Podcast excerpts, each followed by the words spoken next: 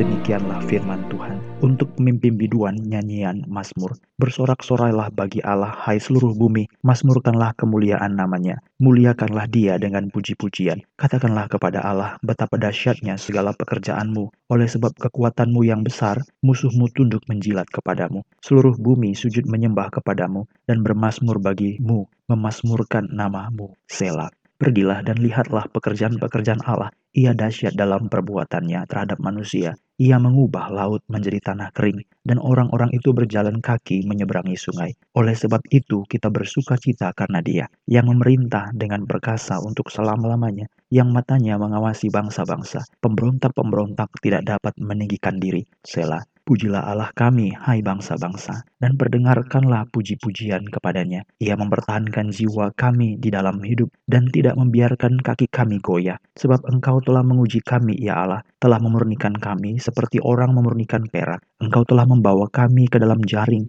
mengenakan beban pada pinggang kami. Engkau telah membiarkan orang-orang melintasi kepala kami. Kami telah menempuh api dan air, tetapi engkau telah mengeluarkan kami sehingga bebas. Aku akan masuk ke dalam rumahmu dengan membawa korban-korban bakaran. Aku akan membayar kepadamu nasarku yang telah diucapkan bibirku dan dikatakan mulutku pada waktu aku susah. Korban-korban bakaran dari binatang gemuk akan kupersembahkan kepadamu dengan asap korban dari domba-domba jantan. Aku akan menyediakan lembu-lembu dan kambing-kambing jantan. Selah. Marilah, dengarlah hai kamu sekalian yang takut akan Allah. Aku hendak menceritakan apa yang dilakukannya terhadap diriku. Kepadanya aku telah berseru dengan mulutku. Kini, dengan lidahku aku menyanyikan pujian. Seandainya ada niat jahat dalam hatiku, tentulah Tuhan tidak mau mendengar. Sesungguhnya Allah telah mendengar, ia telah memperhatikan doa yang kuucapkan. Terpujilah Allah yang tidak menolak doaku dan tidak menjauhkan kasih setianya daripadaku. Sampai di sini pembacaan kitab suci. Haleluya. Kita membaca suatu mazmur ucapan syukur dalam terjemahan Yunani kalimat pertama pemimpin biduan nyanyian mazmur disebut sebagai nyanyian kebangkitan. Ini merupakan suatu hal yang sangat menggembirakan karena dalam Mazmur pasal 66 setiap lapisan penduduk dan masyarakat dunia ini diajak diingatkan untuk takut kepada Tuhan, untuk percaya kepada Dia. Jadi tiga bagian yang kita maksudkan itu adalah yang pertama penduduk bumi dan yang kedua adalah umat perjanjian orang-orang percaya dan yang ketiga adalah orang yang mengungkapkan Mazmur ini. Tidak kita dapat ketahui apakah ini Mazmur dari Daud, kita sebut ini adalah Mazmur dia mengungkapkan ketidakterbatasan persembahan yang bisa diberikan kepada Tuhan. Waktu kita membaca Mazmur pasal 66, dia mulai dari hal yang umum, kelompok yang umum, lalu sampai kepada dirinya sendiri secara pribadi. Jadi seperti segitiga terbalik, segitiga terbalik dua sisi yang lebar ada di atas, lalu makin lama makin tajam ke bawah. Inilah yang terjadi dari Mazmur 66. Dari mana kita bisa memahami maksud daripada Mazmur ini? Ini dimulai dari bersifat umum, penerima subjek yang bersifat umum itu adalah bumi segala bangsa. Kalau kita baca dari Mazmur pasal 66 ayat yang pertama sampai ayat yang kelima atau ayat yang keenam. Bersorak-soraklah bagi Allah, hai seluruh bumi. Jadi seluruh penduduk bumi. Dalam ayat yang ketiga, katakan kepada Allah betapa dahsyatnya segala pekerjaanmu. Oleh sebab kekuatanmu yang besar, musuhmu tunduk menjilat kepadamu. Seluruh bumi. Jadi seluruh bumi, semua sujud menyembah kepadamu dan bermasmur bagimu. Ayat yang kelima, pergilah dan lihatlah pekerjaan-pekerjaan Allah. Ia dahsyat dalam perbuatannya terhadap manusia. Jadi pada bagian awal dari Mazmur pasal 66, penerima atau orang yang ditujukan untuk mendengar Mazmur ini adalah semua umat manusia, seluruh bumi, semua orang, berbeda-beda bangsa, berbeda-beda pemerintah. Mereka semuanya pujilah Tuhan, sujudlah kepada Dia, lihatlah, lihatlah pekerjaan-pekerjaan dahsyat yang dilakukannya terhadap manusia. Jadi semua orang. Lalu masuk kepada bagian lebih kecil lagi. Bukan semua orang, bukan semua bangsa. Tetapi umat perjanjian.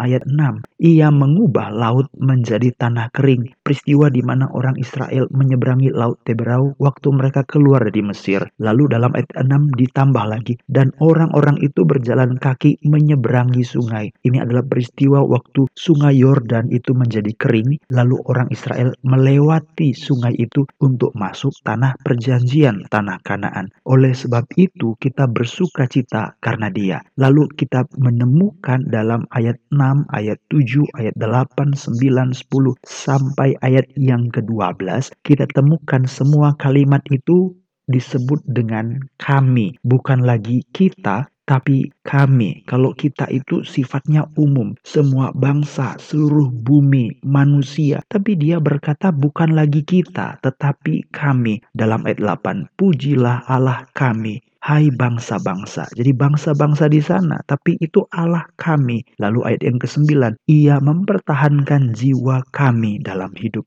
ayat yang ke-10. Engkau telah menguji kami ya Allah. Engkau telah memurnikan kami. Jadi ini kami. Siapa kami? Umat perjanjian. Bukan lagi bangsa-bangsa. Ayat yang ke-11 dan 12. Engkau telah membawa kami ke dalam jaring mengenakan beban pada pinggang kami. Ayat 12. Engkau telah membiarkan orang-orang melintasi kepala kami. Kami telah menempuh api dan air. Tetapi engkau telah mengeluarkan kami sehingga bebas. Mulai ayat 13 dia masuk kepada hal yang lebih kecil lagi. Jadi bukan lagi bangsa-bangsa dan seluruh bumi, bukan lagi umat perjanjian, tapi pribadi. Dalam ayat 13 dia berkata, aku. Jadi bukan lagi kami, tapi aku pribadi. Aku akan masuk ke dalam rumahmu dengan membawa korban bakaran yang telah diucapkan bibirku. Jadi ini sekarang urusanku sendiri yang dikatakan mulutku pada waktu aku susah. Ayat yang ke-16, marilah dengarlah hai kamu sekalian yang takut akan Allah. Aku hendak menceritakan apa yang dilakukannya terhadap diriku. Apa yang Allah kerjakan bagiku. Aku hendak menceritakannya. Sangat pribadi pribadi sekali. Dan ini terus berlangsung sampai ayat yang ke-20. Dia bicara bahwa terpujilah Allah yang tidak menolak doaku. Jadi aku pribadiku dan dia tidak menjauhkan kasih setianya daripadaku. Saya harap saudara bisa mengikuti dalam Mazmur pasal 66 20 ayat ini. Dia mulai dari seluruh bangsa, seluruh bumi, lalu khusus kepada orang perjanjian, umat perjanjian, lalu semakin khusus kepada pribadi dirinya sendiri.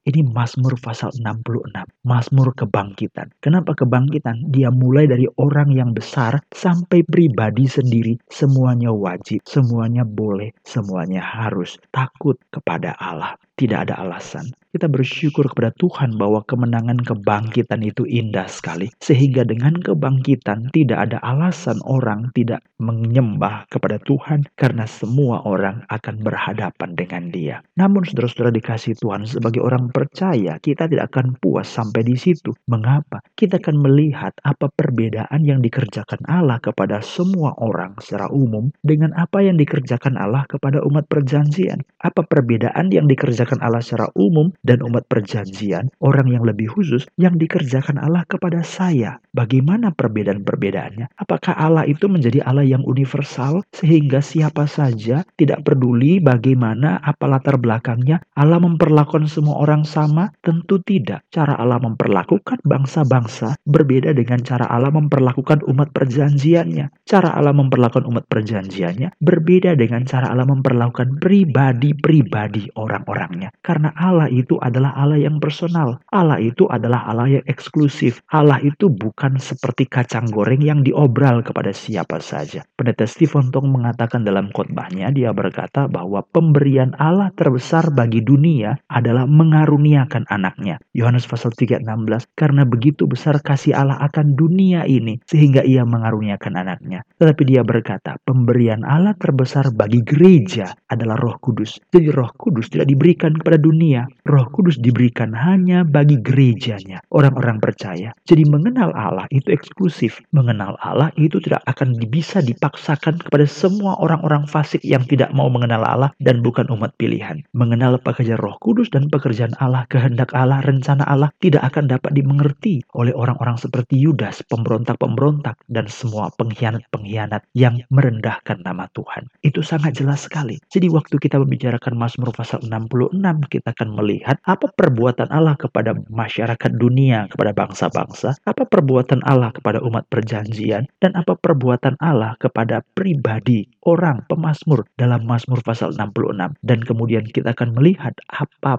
pembedanya, signifikannya di mana. Kalau kita membaca dalam Mazmur pasal 66, kita melihat perbuatan Allah itu bersifat umum, saudara-saudara. Kalau kita baca, bersorak-soraklah bagi Allah hai seluruh bumi, mazmurkan kemuliaan namanya, muliakan dia dengan puji-pujian. Mengapa? Katakan, karena betapa dahsyatnya segala pekerjaanmu, oleh sebab kekuatanmu yang besar, musuhmu tunduk menjilat kepada Seluruh bumi sujud menyembah kepadamu dan bermasmur bagimu, memasmurkan namamu. Pergilah dan lihatlah pekerjaan-pekerjaan Allah. Ia dahsyat dalam perbuatannya terhadap manusia. Jadi kalau kita baca ini perbuatan Allah secara umum itu perbuatan Allah secara umum. Mengingatkan lagi dalam Mazmur pasal 65, segala hal yang bersifat kemakmuran, segala hal yang bersifat natural, alamiah, sirkulasi, ada panen, ada tabur, ada tuai, ada matahari, ada timbul, ada tenggelam, ada pasang, ada surut, ada sinar mentari yang merekah. Semuanya itu indah, benar, tapi itu adalah porsi yang diberikan Allah dan dikerjakan Allah kepada masyarakat umum, termasuk Allah menunduk menundukkan musuh-musuh. Itu sebabnya dalam dunia yang tidak mengenal Allah pun tetap ada keadilan, ada hukum, ada undang-undang, ada peraturan, ada keadilan, ada pengaturan. Memang demikian. Jadi saudara dikasih Tuhan, apa perbedaannya dengan orang percaya? Kalau kita melihat umat perjanjian, ada perbedaan dalam ayat yang ke-6 sampai ayat yang ke-8, lalu ayat yang ke-9 sampai ayat yang ke-12. Di mana pembedanya? Orang perjanjian diberikan Tuhan pertolongan untuk menjalankan keselamatan. Kalau kita baca dalam ayat 6, ia mengubah air menjadi tanah kering, orang berjalan kaki menyeberangi sungai, oleh sebab itu kita bersuka cita karena dia. Jadi Allah tidak melakukan perbuatan ini kepada semua orang. Ia memerintah dengan perkasa untuk selama-lamanya, ayat yang ketujuh, matanya mengawasi bangsa-bangsa, pemberontak-pemberontak tidak dapat meninggikan diri, pujilah Allah kami hai bangsa-bangsa, dan perdengarkanlah pujian-pujian kepadanya. Ini tidak diberitahukan kepada orang lain, tetapi orang lain juga harus mengetahui bahwa pekerjaan Allah memberikan pertolongan kepada umatnya, ini maksudnya ada keselamatan. Dari mana kita tahu? Coba saudara lihat dalam ayat yang ke-9. Ia mempertahankan jiwa kami dalam hidup. Jadi yang Tuhan inginkan adalah hidup. Hidup tentu hidup yang dimaksudkan bukannya sekedar bernafas, karena semua umat manusia juga bernafas. Tetapi hidup ini adalah hidup yang berbeda. Hidup ini adalah hidup keselamatan. Hidup ini adalah hidup yang kekal. Caranya berbeda, bukan dengan memberikan kelepasan, bukan hanya dengan memberikan kelegaan, bukan hanya memberikan fasilitas, tapi cara Allah memberikan hidup itu, hidup yang kekal itu dengan cara bagaimana? Kalau kita membaca dalam ayat 10 dengan menguji kemudian dengan memurnikan seperti memurnikan perak ayat 11 dengan membawa ke dalam jaring dengan apa ayat 11 mengenakan beban pada pinggang kami. Dalam Matius pasal 11 Yesus berkata, "Mari kepadaku yang letih lesu dan beban berat, aku akan beri kelegaan kepadamu." Dengan cara bagaimana? Memikul kuk yang kuberikan kepadamu. Memikul kuk yang kupasang. Mazmur pasal 66 mengatakan, dia memberikan hidup, mempertahankan jiwa kami dalam hidup. Dia tidak membiarkan kaki kami goyah. Dengan cara bagaimana? Dengan cara menguji. Dengan cara bagaimana? Dengan cara memurnikan seperti murnikan perak. Dengan cara bagaimana? Membawa ke dalam jaring, mengenakan beban pada pinggang kami, memberikan kuk untuk kami pikul. Bahkan ayat 12, Engkau Tuhan telah membiarkan orang-orang melintasi kepala kami. Kami telah menempuh api dan air, tetapi Engkau telah mengeluarkan kami sehingga bebas. Saudara lihat cara kerja Allah yang begitu aneh. Inilah cara kerja Tuhan. Dan kalau kita membaca dalam ayat 12, melintasi api dan air itu berbicara tentang pekerjaan penebusan. Mengapa? Kalau kita membandingkan kitab suci dari Yesaya pasal 43, Yesaya pasal 43 ayat 1, ayat 2, ayat 3 disebutkan engkau menebus kami dengan membawa kami melintasi api dan air. Jadi ini perbedaan pekerjaan Allah kepada umatnya dengan orang yang tidak mengenal Allah.